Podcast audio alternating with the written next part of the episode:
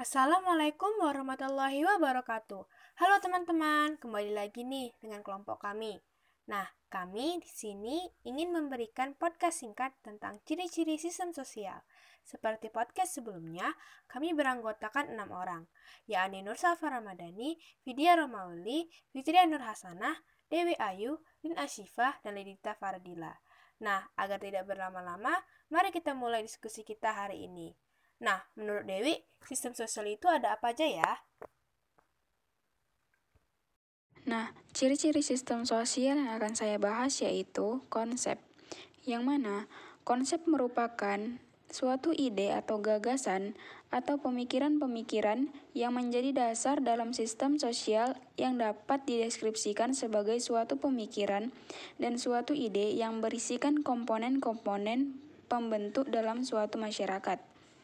Selain itu, sistem sosial juga harus memiliki konsep, karena dengan adanya konsep, maka sistem sosial akan dapat memiliki gambaran dan juga dalam pelaksanaannya memiliki alur yang tepat serta jelas. Selain itu, konsep juga penting agar hasil dari suatu sistem yang dijalankan itu dapat menciptakan suasana ataupun susunan dalam masyarakat yang lebih teratur, terarah, dan mengikat di seluruh lapisan masyarakat. Itu sih dari saya.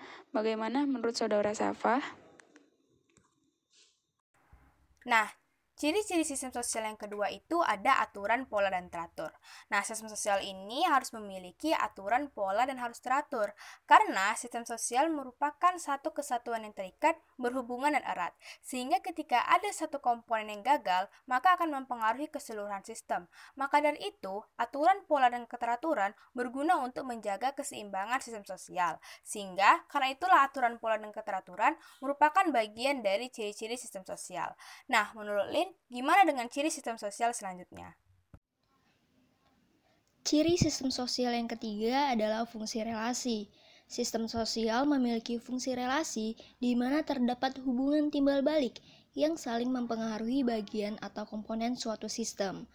Fungsi relasi juga mengikat bagian-bagian kompleks, sehingga menjadi kesatuan yang utuh untuk tujuan yang ingin dicapai, serta dapat saling memberikan perubahan dalam sistem tersebut. Nah, kalau menurut Ladita, ciri-ciri apa lagi yang ada dalam sistem sosial? Nah, ciri sistem sosial juga harus berstruktur dan saling berhubungan. Kenapa? E, menurut pemahaman saya, karena antara salah satu sistem mempunyai fungsi dan tugas-tugas tertentu yang harus dijalankan oleh masing-masing sistem, dan apabila salah satu sistem itu tidak berfungsi, nah maka seluruhnya akan tidak berfungsi. Maka dari itu, sistem sosial juga harus saling berhubungan, karena satu sistem akan mempengaruhi sistem lainnya. Sistem sosial juga harus terstruktur dan saling berhubungan karena mereka harus bekerja sama demi mencapai tujuan bersama. Nah, kalau menurut Fitria itu bagaimana? Nah, maksud dari sistem sosial mengikat dan kesatuan adalah sistem sosial masyarakat tidak dapat hidup sendiri dan masyarakat harus mempunyai suatu ikatan lain yang khusus. Ikatan yang membuat satu kesatuan manusia menjadi suatu masyarakat adalah pola tingkah laku yang khas mengenai semua faktor kehidupan dalam batas kesatuan itu. Pola tersebut harus bersifat berkelanjutan, dengan kata lain bahwa pola tersebut sudah menjadi adat istiadat yang khas. Nah, suatu negara, desa, dan kota dikatakan mengikat dan kesatuan apabila ada yang pertama itu interaksi antar warga-warganya, kedua adanya adat istiadat, norma, dan hukum seluruh pola tingkah laku masyarakatnya. Ketiga itu kontinuitas waktu dan yang terakhir yaitu rasa identitas yang kuat mengikat warganya. Nah, menurut Vidya, organisasi sosial itu apa? Sistem sosial sebagai organisasi sosial merupakan pola-pola hubungan antar individu dan kelompok yang timbul dalam interaksi sosial. Sistem sosial merupakan bagian dari perkembangan institusi atau organisasi sosial.